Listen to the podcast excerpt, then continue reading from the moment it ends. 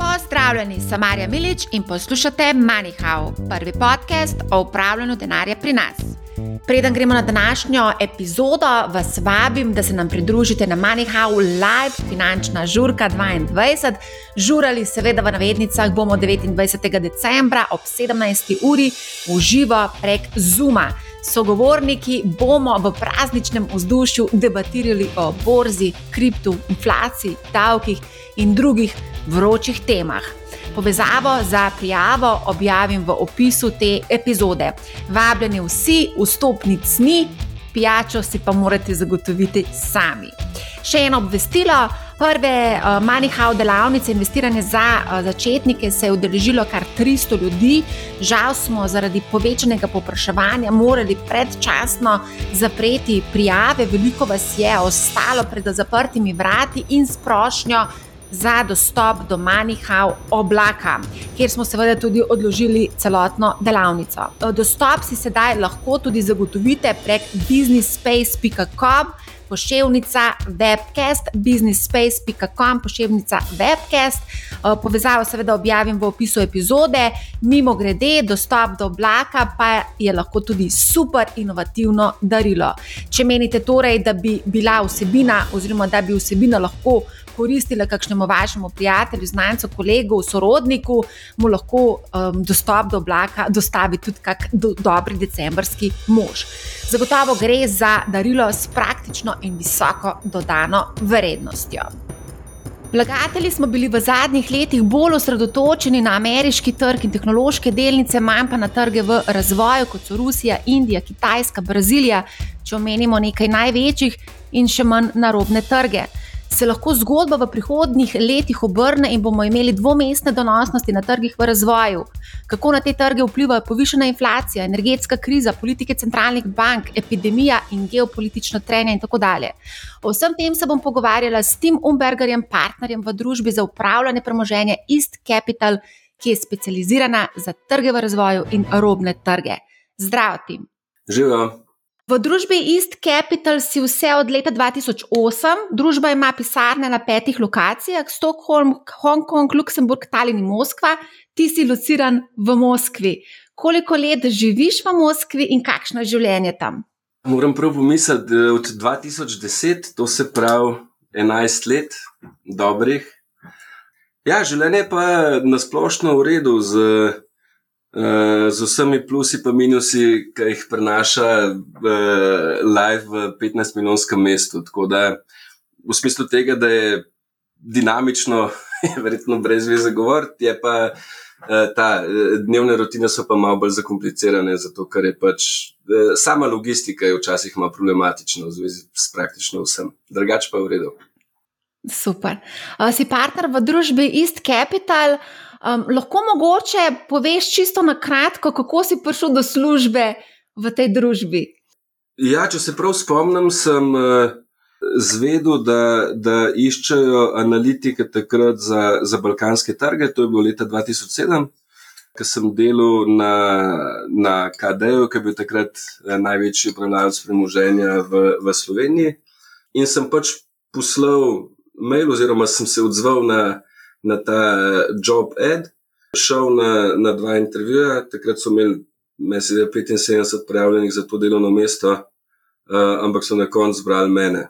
Tako da sam si sploh nikoli nisem mislil, da bom kdaj končal na švedskem, zato ker takrat je bilo bolj logično gledati London, pa mogoče še kakšne druge, eh, druge države. Ampak potem je to nekako na pol spontano se zgodilo in sem si rekel, da bom probo. Takrat sem imel seveda cilj, da bom mogoče si nabral malo izkušenj, pa bom prišel nazaj čez dve ali pa tri leta. Ja, zdaj pa ne vem, koliko je zdaj tega, mogoče 14 let, tako da se je hitro čas zavrtel. Ja, pa mogoče razmišljaš, da bi prišel nazaj v Slovenijo? Ja, po mojem, tako kot vsi ekspati, eh, vedno malo razmišljaš. In po mojem, si tudi jaz tukaj počutim kot nek turistke na zelo, zelo dolgem popotovanju. Istočasno je pa tako, da polk imaš eh, delovne obveznosti, eh, pa si polno zaposlen, je mogoče časa za ta, za ta razmišljanje, mogoče ni toliko, kar bi si, bi si želel. Podzavestno pa na nek način, po mojem, si še vedno želim. Ja. Mhm, no, super. East Capital je del East Capital Group in upravlja 5,3 milijarde evrov premoženja vlagateljev. Ta podatek sem očitala iz vaše spletne strani, ne vem, če še vedno drži. Mogoče samo za primerjavo povemo, da pri nas vsi upravljalci skupaj upravljajo 4,2 milijarde evrov premoženja. Torej, East Capital je kar velik upravljalec premoženja. Mogoče lahko kaj tukaj poveva o tem, kako vam mogoče so, ste imeli kakšne rekordne prilive letos v sklade, tako kot smo recimo mi imeli v Sloveniji? Jaz mislim, da globalno gledano se, se smatramo za mehkega, ampak zelo specializiranega upravljavca premoženja. Smo pa, smo pa veliki, oziroma med največjimi v vzhodni Evropi, pa Rusi. Uh, med drugim imamo, mislim, imamo globalne klijente, med drugim imamo tri od petih največjih sovereign wealth skladov, Tako da največji, na, naši največji klienti so uh, v stotinah milijonov dolarjev. V smislu prilivov, pa ja, je bilo definitivno boljš, uh, delno zaradi tega, ker uh, je ruski trg in vsi vzhodnoevropski trgi so bili letos zelo dobri. Delno pa zaradi tega, ker tudi na kakšnih uh, novejših strategijah, kaj govorim konkretno v Global Emerging Market skladu, ki bo zdaj dopolnil tri leta in ki je zelo uh, fokusiran na sustainability, imamo dober traction uh, in smo tam kar nekaj denarja dobili. Tako da je bilo v tem smislu v redu leto. Je, kakšni so pa poprečni vložki, recimo, retail vlagateljev v vaše ja, sklade? Ja, veš, da nimam tega po, uh, podatka.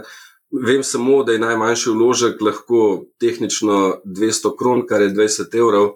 Koliko je pa poprečje, pa ti res ne bi zdaj odgovoril. V redu.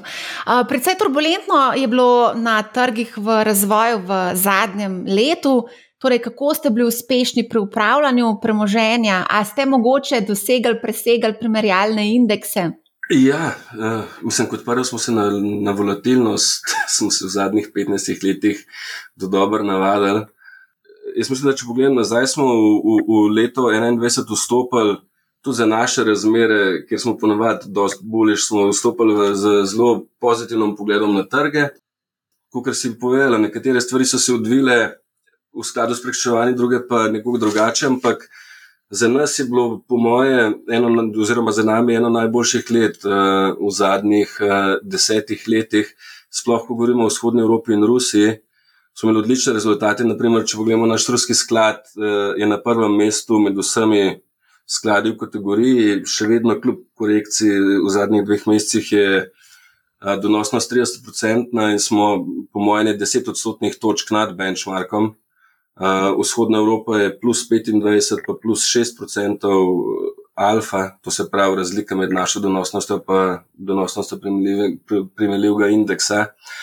Na globalnem emerging market skladu je imel pa nižjo donosnost, še vedno sicer nad benchmarkom, Ampak vse vsemu smo, po mojem, zadovoljni, so pa trgi volatilni in je seveda potrebno biti zelo aktiven pri upravljanju premoženja. Naprimer, če pogledam v preteklosti, smo imeli, smo, mi smo vedno kot vlagatelji stremeli k dost nizkemu turnoverju, ne vem kako se to po slovensko, eh, turnoverju v skladu, to se pravi, kako hiter eh, zamenjaš premoženje in eh, smo vedno govorili našim vlagateljem, da bi ne bilo to med nekje med 20 in 30 odstotkov, kar z drugimi besedami povem, da je poprečna, poprečna trajna naložba v tem skladu tri leta. Če bomo gledali leto 20 ali pa in pa 21, je pa ta številka bliže 80 odstotkov. In to zato, uh, ker so trgi zelo volatilni in je treba zelo hitro uh, odreagirati na stvari. Razlike v donosnosti ali posameznih delnic ali posameznih trgov so pa absolutno enormne. Tako da, tako da ja, je leto zahtevalo veliko energije. Ja, se to, če izključimo iz MSCI Emerging Markets Kitajsko, je že tako opazna razlika, ne, ki s Kitajsko pač je bil slabši donos, uh, če izključimo, je bilo pa precej boljš. Ne. Kako ste v bistvu nekako shendali tole Kitajsko in dogajanje na Kitajskem, kako ste prelagali portfelje? Ja, men, Kitajska je vsede eno tretjino eno tretjino benchmarka in kot taka, mislim, absolutno glavni driver eh, trgov v razvoju. In je imela slabo leto, posledično so imeli tudi cele kategorije slabo leto. Zdaj, kaj je predsednik Ši se odločil za tako imenovani Common Prosperity? V praksi to pomenil velik premik v prioritetah in sicer na nek način iz principa učinkovitosti v, v princip pravičnosti. Z drugimi sredami, ugotovili so, da je čas za zmanjševanje razlik med bogatimi in revnimi, kar je, by the way, problem eh, globalen, ne samo na kitajskem.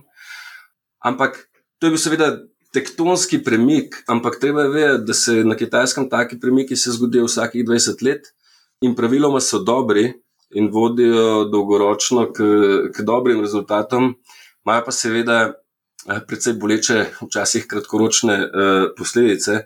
Zdaj, kar se tiče nas, so bili na nek način znaki za to, kar se bo dogajalo, jasni že ob koncu lanskega leta z vsem, kar se je dogajalo okoli Jack Maja ali Babe, Anti-IPO je bil na koncu umaknen. Uh, tako, da, tako da je bil to nek zelo jasen warning sign, da se bojo, da se bojo zgodile spremembe.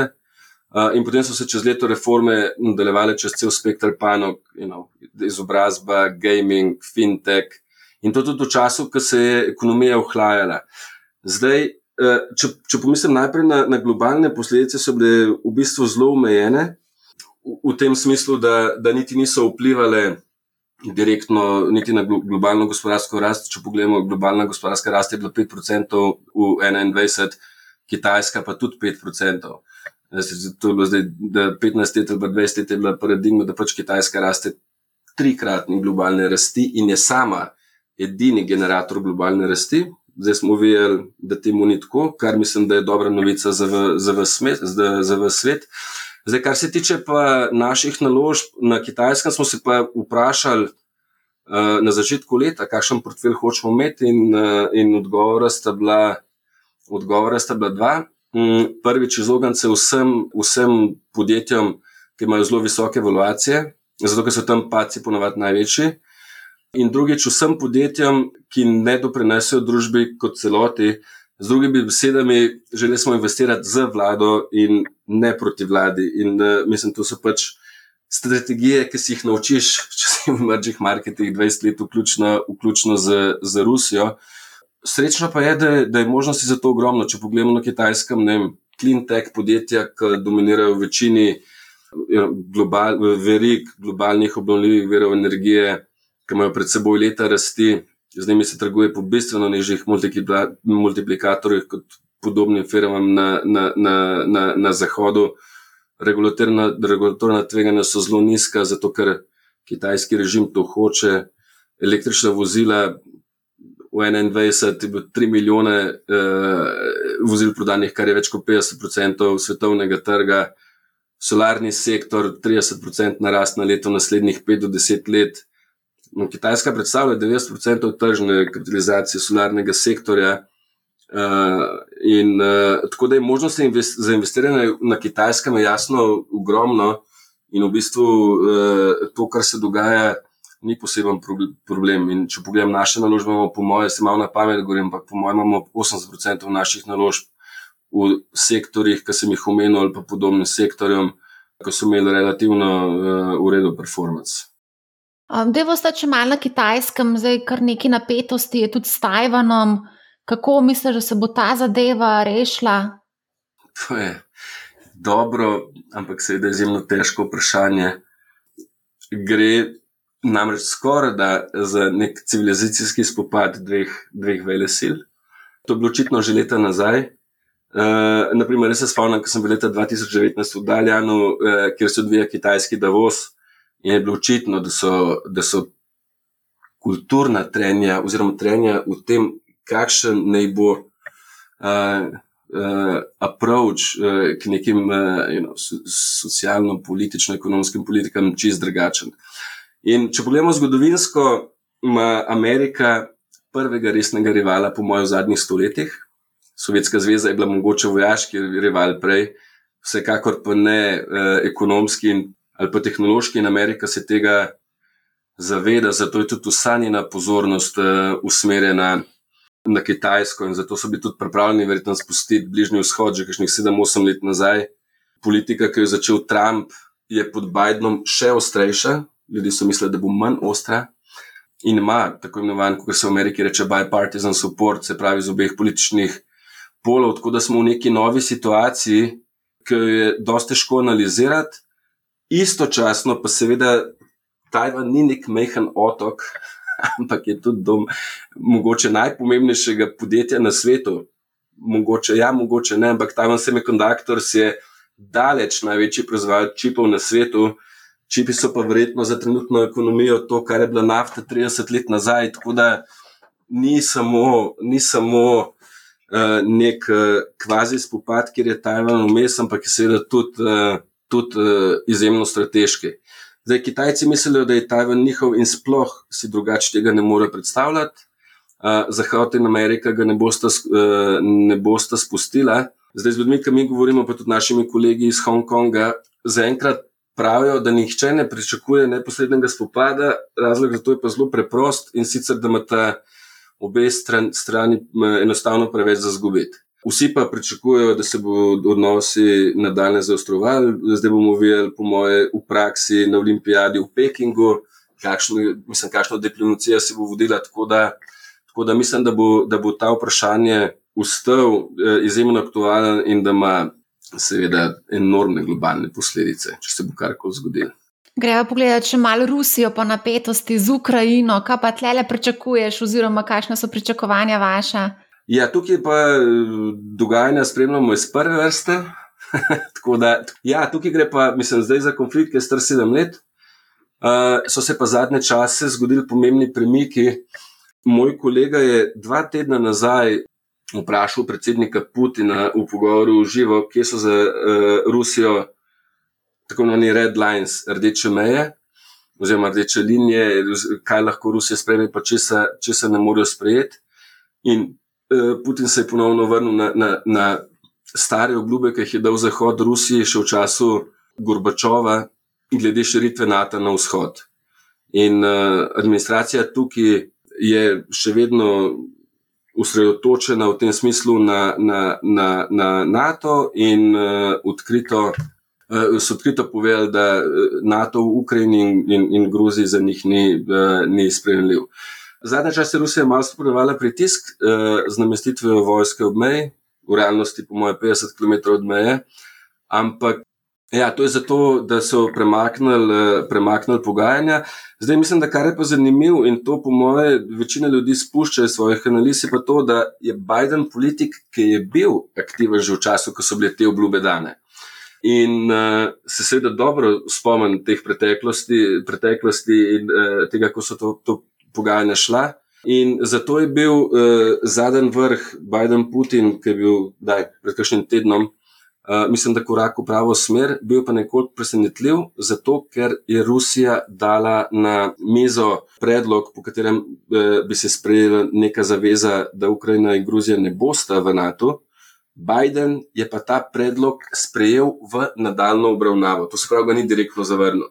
In to je bila za moje pojme velika diplomatska uh, zmaga Rusije, ki seveda lahko vodi rešitvi, je pa ta rešitev mogoče slaba za nekatere, ne, nekatere države. V vsakem primeru je pa dejstvo, da se, da se strani pogovarjata, da so se dogovorili, da se bo še naprej pogovarjali. Amerika hoče rešiti konflikt, zato da se lahko osredotoči na Kitajsko. Možnost za vojaški konflikt v Ukrajini je pa, je pa je izjemno mehna. Mi, pa vsi tisti, ki živimo tukaj, ne vidimo tega, da bi prišlo do, eh, do spopada. Tako da so ta sporočila oziroma grožnje, se mi zdi, treba bolj videti v, v smislu tega, uh, v nekih pogajalskih izhodišč, kot pa nekih realnih ciljev, da bi, da bi prišlo do česar koli. Ja, mediji pa poročajo bolj dramatične eh, scenarije in zgodbe. Ne? Se strinjam. Uh, mediji so verjetno težko, uh, čisto objektivni. Uh, tako da, ja, jaz mislim, da je mogoče manj situacija resna, kot zgleda od zunaj. Ja, prodajati je treba cajtank. Skratka, da je vas zdaj kar še obdelati energetsko krizo, če smo zdaj že v tem delu Rusija, Ukrajina, kaj se bo dogajalo zdaj tukaj s to energetsko krizo, cel svet govori o tem. Ne? Ja, lete, jaz mislim, da energetsko vplivo, eh, krizo nikakor ne vpliva eh, potencijalni konflikt med eh, Rusijo in Ukrajino. Praktično nič. Mogoče malo res primi je za Nord Stream 2, ampak praktično nič. Uh, Jaz mislim, da trgi so bili v 21 divji, ne najdem drugega izraza. naravni plin, če pogledamo EU, spod cene je v 2021 plus 330 odstotkov, na zadnje, ki sem gledal, od 2020 650 odstotkov. EU carbon price je plus 130 odstotkov, 2021 več kot 100 dolarjev. Tako da za plin je trenutno dejstvo, da cene tudi vsebujejo premijo za tveganje izjemno mrzle zime, ker so zime, zaloge so izjemno nizke. Mi smo mrzlo zimo 2020, potem pa praktično povsem uh, brezvetrno poletje. Dolgoročna zgodba pri vseh surovinah je pa ta, da je zadnjih deset let masovni, tako imenovani underinvestment, to se pravi premalo investicij v vse surovine, predvsem pa v, v nafto in plin. Zaradi eh, poti v bre, brezoglično družbo. Kar z drugimi besedami pomeni, da če pogledamo evropske ali pa ameriške, oziroma vse oil majore v, v zahodnem svetu, praktično ne smejo, oziroma ne morejo investirati v, v oil and gas. Zdaj, Evropa se je na njeno žalost deset let trudila, da bi trg zemljskega plina premaknila na tako imenovano spot trgovanje, zato ker so imeli prej dolgoročne pogodbe in ker je bil spot market nižji, so mislili, da so te pogodbe predrage. Zdaj pa situacija obrnjena. Gazprom, duration Gazprom prodaja 1,5 meseca, to se pravi, da večinoma prodaja spot. In uh, spot market je pa zelo tesen, zato ker Katarci so obljubljali, da bo nekaj plina, pa bo 2025, ameriški LNG ni prišel v Evropo, uh, azijske potrebe so velike in smo kar naenkrat v neki novi, no, novi paradigmi. Tako da jaz mislim, da bodo cene plina po prehodu zime nekoliko padle na neko novo raven, ki bo pa seveda bistveno više od tega, m, kar smo bili vajeni, vajeni naprej. Zdaj, nafta je pa še toliko bolj zakomplicirano vprašanje. Zdaj, kar se dogaja v praksi, je, da smo, kot sem rekel, priča izjemno nizki ravni investicij in to je že vse od leta 2014. Leta 2021 je bil CAPEX 50% od ravni leta 2014. Razlog je isti, energetska tranzicija. Goldman Sachs pravi, da je cena kapitala za naftne projekte v upstreamu 20% plus, za renewables je 3, 3 do 5%, popraševanje pa istočasno večjo za 5 milijonov sodov, eh, kot eh, je bilo leta 2014. In zakaj je to problem? Problem je zato, ker na svetu praktično ni prostih kapacitet, tako da eh, zaradi COVID-a, pa zdaj omikroma, so trgi na nek način vrljivo nizki v smislu nafte. Ampak, eh, jaz, če pogledam proste kapacitete Saudije, Saudijci pravijo, da imamo en milijon, pa noben ne ve, če ga imajo ali ne. OPEC se drži svojih kvot 117%, to se pravi, da se jih drži bolj, kot bi se jih mogel. Če pogledate zadnjih 50 let, so ponovadi vsi golfali, pa proizvajali več, zdaj ne proizvajajo več, ne zato, ker ne bi hoteli, ampak zato, ker ne morejo. Shale Oil v Ameriki je popolnoma novi situaciji. Pet do sedem let nazaj je bil privaten, zdaj je v lasti javnih družb, ki zasledujejo dobičkonosnost, cena kapitala je visoka vsi middlemeni, RIX, uprema, pesek, voda, infrastruktura, jih ni več tam. Tako da to, kar je bilo vem, pet let nazaj, da v bistvu, če je bila cena gor, da si pritisnil na gumb, pa je bilo več shale oila, trenutno ni več res. Iran je lahko plus en milijon sodov ali pa minus ena, odvisno od tega, kako se bo razpletla. Skratka, market je izjemno tesen in če bo popraševanje prišlo nazaj v leto 2022, potem ne bi izključil, da je to, kar smo videli pri plinu letos, da se lahko zgodi pri nafti naslednje let in bomo imeli cene izrazito nad 100 dolarjev. Ne pravim, da se bo to nujno zgodilo, ampak je nedvomno en od, od scenarijev. Drugač pa, če smo že pri surovinah, so za nas daleč najbolj zanimive tako imenovane eh, green metals, zelene kovine ali pa tranzicijske kovine, zdaj imajo na veliko novih imen.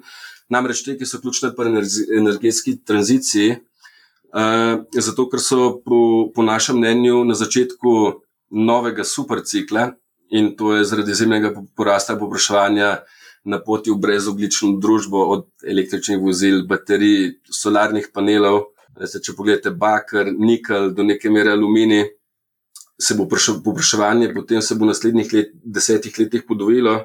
In to bi znali imeti, eh, seveda, eh, velik vpliv na, na, na cene teh surovin, in v tem smislu se mi zdijo naložbe v podjetja, ki prodajajo te surovine, uh, zelo zanimive. Se pravi, ESG, o tem vsi sam, samo še govorijo, vsi o ESG-u, o okoljskih, družbenih in upravljalskih smernicah. Tudi vi na vaši spletni strani imate res kar veliko govorite o tem. No? je to prihodnost? Ja, to je absolutno prihodnost. Uh, jaz bi te samo popravil, uh, mi, po moje, manj govorimo, kot kar delamo. Tako da smo relativno slabi še vedno pri komunikaciji tega, kar delamo, smo pa izjemno aktivni pri tem, uh, kar delamo. Zdaj, problem je vseh investicijskih kako se reče, komunit, uh, na splošno je, da je veliko tako imenovanega greenwashinga, ki vsi govorijo, kaj, kaj delajo, pa v bistvu delajo malo, ampak drugače pa ja, to je globalni megatrend, uh, ki jim sledijo tako investitorji, kot, uh, kot tudi podjetja. Nas sprašujejo naši investitorji, kaj delamo, mi sprašujemo, oziroma delamo z podjetji, ki so v naših portfeljih. Logika je pa zelo preprosta. Od nekdaj smo se in se želimo obnašati kot uh, odgovorni lastniki podjetja, v katere vlagamo. In uh, kot odgovoren lastnik, uh, seveda, je ne mogoče spregledati te trende. Imamo svojo metodologijo, ki temelji na, na ESG analizi vsakega posameznega podjetja, in potem nam da ta analiza iztočice, na katerih področjih se je smiselno angažirati z danim podjetjem in ga voditi k izboljšavah. In uh, mislim, da je tudi masovni premik v zadnjih petih letih na splošno, zato ker tudi podjetja razumejo, zakaj je to pomembno, tako v smislu pozitivnega uh, vpliva, kot v smislu tega, da bojo na koncu više vrednotenja, če, če, če, bojo, če se bojo s tem ukvarjala. In zdaj, naprimer, z našo metodologijo imamo tudi lahko ocenimo transition risk brez ogličenja v različnih scenarijih. In če pogledamo, ne vem, ruskega proizvajalca jekla, in naša analiza pokaže, da je za njih risk, da bojo izgubili 50% EBITDA-ja. In potem predstavljamo tako analizo bordo take firme. Bord pa to sporoči glavnemu lastniku.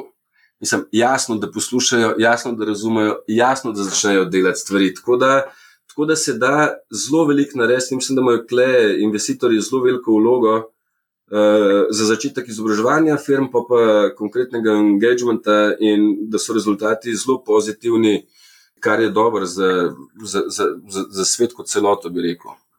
No, se v ESG smo že kar precej govorili, tudi uh, Silvo Deželan smo gostili, ki je vrhunska strokovnjakinja za ESG in se s tem ukvarja že, mislim, da je ne 15 let. Uh -huh. ne, tako da ja, je kar velik uh, luken še, ki jih je treba tlele mal zaflikati. Za a, a greva naprej, vem, da se ti mudi, mogoče bi tukaj lahko pogledala, kakšno politiko vodijo centralne banke, to je zdaj zelo aktualno. Ja, amin, uh, vprašanje za Fed ali uh, ECB ali bolj za vprašanje za države, v, za, za trge v razvoju, kakšne politike vodijo centralne banke. Ja, mislim, malo je težko posprašovati, načeloma pa jasno, da inflacija je problem posod. Mislim, posod, spet so različne, ampak ste bili smo na emerging marketih v paradigmi, ker smo mislili, da imate lahko Brazilija pa Rusija 2% inflacijo, še dve leti nazaj, pa se je skazalo, da je ne morete imeti. Tako da smo definitivno, generalno gledano, v, v, v, v obdobju više inflacije, ki je vodila do zaostrovanja monetarnih politik. V Rusiji smo šli, ne vem, 4 do 9, v Braziliji od 2 do 9, 75 in tako naprej. Uh, jasno je, da imajo, da imajo države trgov razvoju uh, bistveno bolj omejene možnosti vodenja monetarne politike. Kar je pa dobra novica, je pa, da je večina centralnih bank, saj teh ta pomembnih, neodvisnih, in so primerno zaostrile denarno politiko. Tako da, če bo inflacija, če se bo inflacija umirila, potem bomo imeli kar eh, zelo pozitivne realne obrestne mere enkrat leta 2022 in verjetno ne bo potrebnega prav veliko dodatnega zaostrovanja. Posledice so pa jasne, delniški trgi so še načeloma navzdol, še posebno tako imenovane long duration assets, mislim, emerging market, tehnološke delnice, ne vem, v Braziliji minus 70, minus 80 odstotkov. Tako da, ja, mislim, da je bilo tudi to uh, delno krivo za težko leto na emerging marketih, ampak uh, zgleda, da je bil odziv pravočasen uh, in da, da smo mogoče blizu vrha zaostrovanja uh, denarnih politik. Zdaj omenjaš tudi Brazilijo, ne? a mogoče bi vseeno izpostavili tukaj mogoče malo bolj te eksotične trge, uh, ki so bili v bistvu najbolj donosni. Jaz ne vem, a vi tudi spremljate, recimo, mongolsko borzo, 113 odstotna donosnost, Združene arabske emirati 77, Šrilanka 72, Argentina 66, Estonija 50. Sami taki eksotični trgi so med najbolj donosnimi trgi uh, letos uh, na svetu. Slovenija je tudi sodla med top yeah. Ja. 10, zdaj padla ven iz te deseterice. Ja, mislim. Spremljamo jih, seveda, ker imamo uh, Global Frontier Fund, to se pravi sklad, ki vlaga v, v robne trge, ker sem jaz en od uh, soupravljavcev. Jaz mislim, da je kar večino, bi rekel, teh donosnosti treba malo imeti z rezervo. Kot prvo, uh, niti ne vem, ali si jih gledala v, v dolarjih ali v lokalnih valutah. V dolarjih. V dolarjih ja, ja. Ampak, ja, enostavno, kdaj do, donosnosti niso realne. Zdaj, za Mongolijo ne vem, ampak, naprimer. Združeni arabski emirati. Ja, ok, dobra donosnost, jasno, zato ker so, imajo tako imenovan pek na dolar, ampak so bile tri delnice zaslužne za to rast, od tega so dve či špekulativno napihnjene. Šrilanka je 60%, ampak je praktično bankrotirala, imajo še milijardo de, denarnih rezerv in se keša ne da dobiti nazaj. Enako je z Libanonom, ki je bankrotiral lani. So, se pa včasih zgodi, seveda na takih trgih, da zaradi kakšnega razloga valuta zgubi tako imenovani flor oziroma sidro, ljudje dajo denar v delnice, zato da zaščitijo vsaj del premoženja. In je včasih trgi odreagiral bistveno drugače, kot bi si mislil. Je pa res, da med temi trgi so tudi trgi, ki so pa resni trgi. Mi smo, na primer, eh, zelo veliko investiramo v Vietnam, ki je makro, makroekonomsko super. Trg je daily liquidity 500 milijonov, eh, so dobre firme pa lahko bi vam, vam jih. Eh, lahko bi vam jih še veliko naštel, ampak ja, se najdejo tudi zanimivi trgi, ki so bolj eksotični, vsaj za slovenske vlagatelje. Ja. Zdaj, ki si rekel, da bežijo v delnice, jaz sem slišala, da nekateri bežijo tudi v kriptovalute, tudi med da v Turčiji zaposleni, takoj ko dobijo plačo zaradi visoke inflacije in te negotovosti, ki jo pač povzroča, sproža Erdogan, eh, bežijo v kriptovalute, a tudi v teh kriptotarobnih trgih bežijo ali ne. Ne vem, ampak bi si mislil, da, bi si mislil da, eh, da je to definitivno možnost. Sploh naše generacije, mislim, da je kripto definitivno za njih del, eh, zelo resen del naložbenih priložnosti, in, eh, in bi si mislil, da je to zelo možno. Ja. A se greva še dotakniti mogoče malo Balkana, južne in vzhodne Evrope, pa tudi kakšno besedo ali dve, če lahko spregovoriš o Sloveniji? Lahko. Kaj konkretnega ali splošna ocena delniških trgov? Splošno oceno delniških trgov in pa seveda tvoje pričakovanja za 2022? Ja, jaz mislim, da makroekonomsko so države ok, uh, regija ima solidno gospodarsko rast. Ki se bo nadaljevala, imamo EU Recovery Fund, kjer bomo seveda vedeli, kako bodo države uspešne pri eh, sami realizaciji velikih projektov, ampak dejstvo je, da nikoli te države niso imeli toliko denarja potencialno na razpolago kot ga je. Kar se tiče padilniških trgov, je pa, ja, balkanski trgi so do določene mere zaenkrat uh, umrli, razen parih izjem. Jaz mislim, da med temi izjemami je do neke mere tudi Slovenija, ker trg še vedno živi, definitivno Romunija, veliko ostalih pa, pa malo manj spremljam. Ampak, uh, ja, trgi so solidni, kot si sama rekla, so imeli dober let, vključno Slovenijo. Mislim, da pričakovano. Eh, in sicer zato, ker je bil gospodarski outlook dober, istočasno, eh, in to smo videli, da se je pol tudi odrazil na, na rezultatih podjetij, ki so bila praktično od prvega do zadnjega, če zdaj pomislim, eh, so bili dobri in nadpričakovani. Istočasno smo pa vstopili v leto z nizkimi evaluacijami in to je vedno dober izhodiščni pogoj. Tako da v tem smislu, ja, za me niti ni, ni presenečenje da, da so imeli delnice v Sloveniji soliden, soliden performance in mislim, da se to lahko ponovi, seveda, upoštevajoč, kaj se bo zgodilo globalno, ampak da se to lahko ponovi v letu 2021, zato ker se mi zdi, da je outlook za večino firm še vedno pozitiven. Uh, in kljub temu, da so delnice zrasle, so vrednotenja nikakor niso draga, mislim, večino delnic je en, single digit P, ne vem, NLB, šestkratnik dobička, pred rezervacijami, rezervacije bojo pa zelo mehne, tri glav je verjetno osemkratnik, eh, dividende, dividende so ok. Tako da, ja, jaz mislim, da bi lahko bil uh, izgled za leto 2022 še vedno soliden.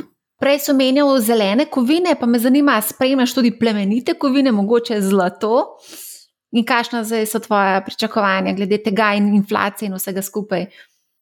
Ja, mislim, inflacija je posebna tema, o kateri bi lahko govorili. Ne, ne, mislim, v povezavi z zlatom. Se veš, da se je. Zlato je pa, seveda, mislim, po mojem, vsak resen upravljalec premoženja tudi malo svilno zlato. Jaz mislim, da če pogledamo, kaj je, kaj je okolje, ki je za zlato idealno. Idealno je okolje, ki inflacija raste, centralne banke pa ne zaostrujejo svoje denarne politike oziroma ne zvišujejo obrestnih mere takrat je zlato dobra naložba. Zlato ni dobra naložba takrat, ker so obrestne mere na poti gor in ker se to odraža na trgu, tudi zlato trenutno ne naredi nič in je mogoče, mogoče celo malo dol. Je pa seveda, če me, če me, če me vprašaš, aj boš imeti zlato, kot kar marsikateri drugi naložben razred, še posebej, ker mislim na obvezance ali pa cash. Je pa, je, pa, je pa verjetno še vedno, eh, še vedno boljši ampak ne mislim, da bo zlato zrastel, enostavno zato, ker uh, v obdobjih, ki gre obrestna mera navzgor, ne raste. Drugi vidik, ki si ga pa že sama malo načela, je pa to, da je malo filozofsko vprašanje, kakšna je funkcija zlata v digitalni dobi. In uh, jaz, kar z veliko ljudmi, ki govorim, so prepričani, da je za nove generacije edino, kar šteje, kripto. In zlata ne upoštevajo več. Uh, tako da da se mi ne zdi nemogoče, da bo nasploh izgubil svojo vlogo kot nek varovalec premoženja, zato ker enostavno ni aktualen. A vi v vaši družbi tudi spremljate kripto? Intenzivno spremljamo, uh, smo pa še daleč uh, od, od kakršne koli odločitve, nažalost, predvsem zato, ker smo vsi čist preveč zasedeni. Ampak, uh, ja, spremljamo pa ga, ni, ni zanimivo področje. Zdaj, če pogledamo razvite trge, pa trge v razvoju, trge v razvoju so v bistvu underperformali ne, zadnjih, zadnje desetletje. Ne. Um, kakšne so pričakovanja tukaj? Ja, kot prvo bi te ne popravil, ampak dopolnil. So underperformali v zadnjih desetih letih, ampak ne, če izključimo Ameriko. Kar je po mojem podatek, ki ga zelo malo ljudi ve, ampak to pomeni, da je outperformala Amerika in v Ameriki pet delnic. In seveda so te delnice tako velike, da so dobesedno posesale velik del globalnega premoženja vase. Ampak, eh, eh, ko ljudje govorijo o tem, eh, da je bilo za emerging market izgubljeno desetletje, mislim, da velikrat falijo, falijo ta point. In sicer, da, da, da v bistvu donosnosti niti niso bile tako slabe, če zauzamemo Eh, če zauzamemo, seveda, ekstremne donosnosti v Ameriki. Zdaj, kakšna so pričakovanja? Sama si umenila vrednotenje na trgih eh, v razvoju, so definitivno zanimiva. To je, po mojem, tudi glavni argument, zakaj vlagati na te trge. Diskont je, po mojem, trenutno vem, 35%. Uh, gledali smo, glih, ko smo zdaj delali Outlook za leto 2022, da je najvišji v zadnjih 15 letih uh, emerging marketi so na 12-kratniku, PE develop markets 19-kratniku, istočasno znotraj tega Kitajska 12-kratnik, PE Srednja Evropa, ne vem, Poljska 10-kratnik, za naše države smo omenili, Brazilija je pod 8, Rusija je 5. To so vsekakor atraktivna vrednotenja, v katerih je verjetno zajetih kar velik. Eh, velik del, eh, velik del pesimizma. Zdaj, če pogledamo na rast dobičkov, je, je pa dosti podobna. Sicer so ocene rasti dobičkov in za emerging, in za razvite trge zelo nizke za 2022, kar je seveda dobro izhodišče, zato ker je velika možnost, da bodo dobički presegali pričakovanja, kar je eden eh, ponovadi tudi glavnih eh, driverjev za, za, za delniške trge. Ampak meni se zdi, da je sentiment eh, eh, glede emerging marketov izjemno negativen. Uh, zdaj sem bil prejšnji teden uh, naročil, sem govoril s 30, 30 klienti, od 30 sta dva rekla, da boste povečali naložbe na Kitajsko. In uh, ja, takrat, ko je sentiment zelo negativen uh, in takrat, ko so vrednotenja nizka, je ponovadi dobro izhodišče, uh, je pa res, da je pol vsaka zgodba zelo specifična, tako da je ja, pač treba znotraj tega najti uh, podjetja, ki bojo rasla uh, in ki bojo posledično tudi uh, njihove delnice zrasle. Ja, prej si rekel, da je treba nekako izključiti Ameriko, ne? na drugi strani pa tudi mogo izključiti Kitajsko, pa bi dobil mogoče neko tako smiselno primerjavo, ker to sta bila res dva ekstrema. Um, dej, a lahko mogoče, ko zdaj govoriš o, o, o naložbah v trgih v razvoju, kolikšen odstotek portfelja priporočaš recimo enemu malemu vlagatelju, da bi imel na trgih v razvoju? Težko vprašanje, ampak trenutno, če pogledamo globalne vlagatelje, imajo 8%, to se pravi globalni skladi. Desetletno povprečje je bilo 10%, eh, v benchmarku je pa 12%. Uh, jaz mislim, da na splošno ni slabo, po mojem, 10% uh, ni slaba, uh, ni slaba v tež. Uh, za tiste, ki so pa malo bolj pogumni, Je pa glede na to, da so trgi imeli za sabo zelo slabo leto, načeloma tudi ne spektakularnega desetletja, uh, tisti, ki so bolj pogumni, imajo lahko trenutno, po mojem, tudi večje otež. Od 10%. Ja, mogoče za konec, kaj si pa misliš o razcvetu pasivnega investiranja? Kako vi gledate na East Capital, um, pač na konkurenco, ja, na ETF-e? Ja, mislim, definitivno še en megatrend, ja, ki, ga, ki ga seveda spremljamo zelo podrobno, zato ker eh, seveda eh, za nas kot aktivne upravljalce eh, pomeni dvoje.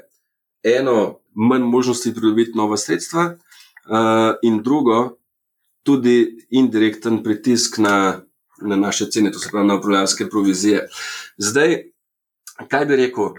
Jaz mislim, da Seveda, ETF market se bo razvil in jaz mislim, da za, za uh, poprečnega malega uh, vlagatelja je verjetno uh, dober način uh, za vlaganje.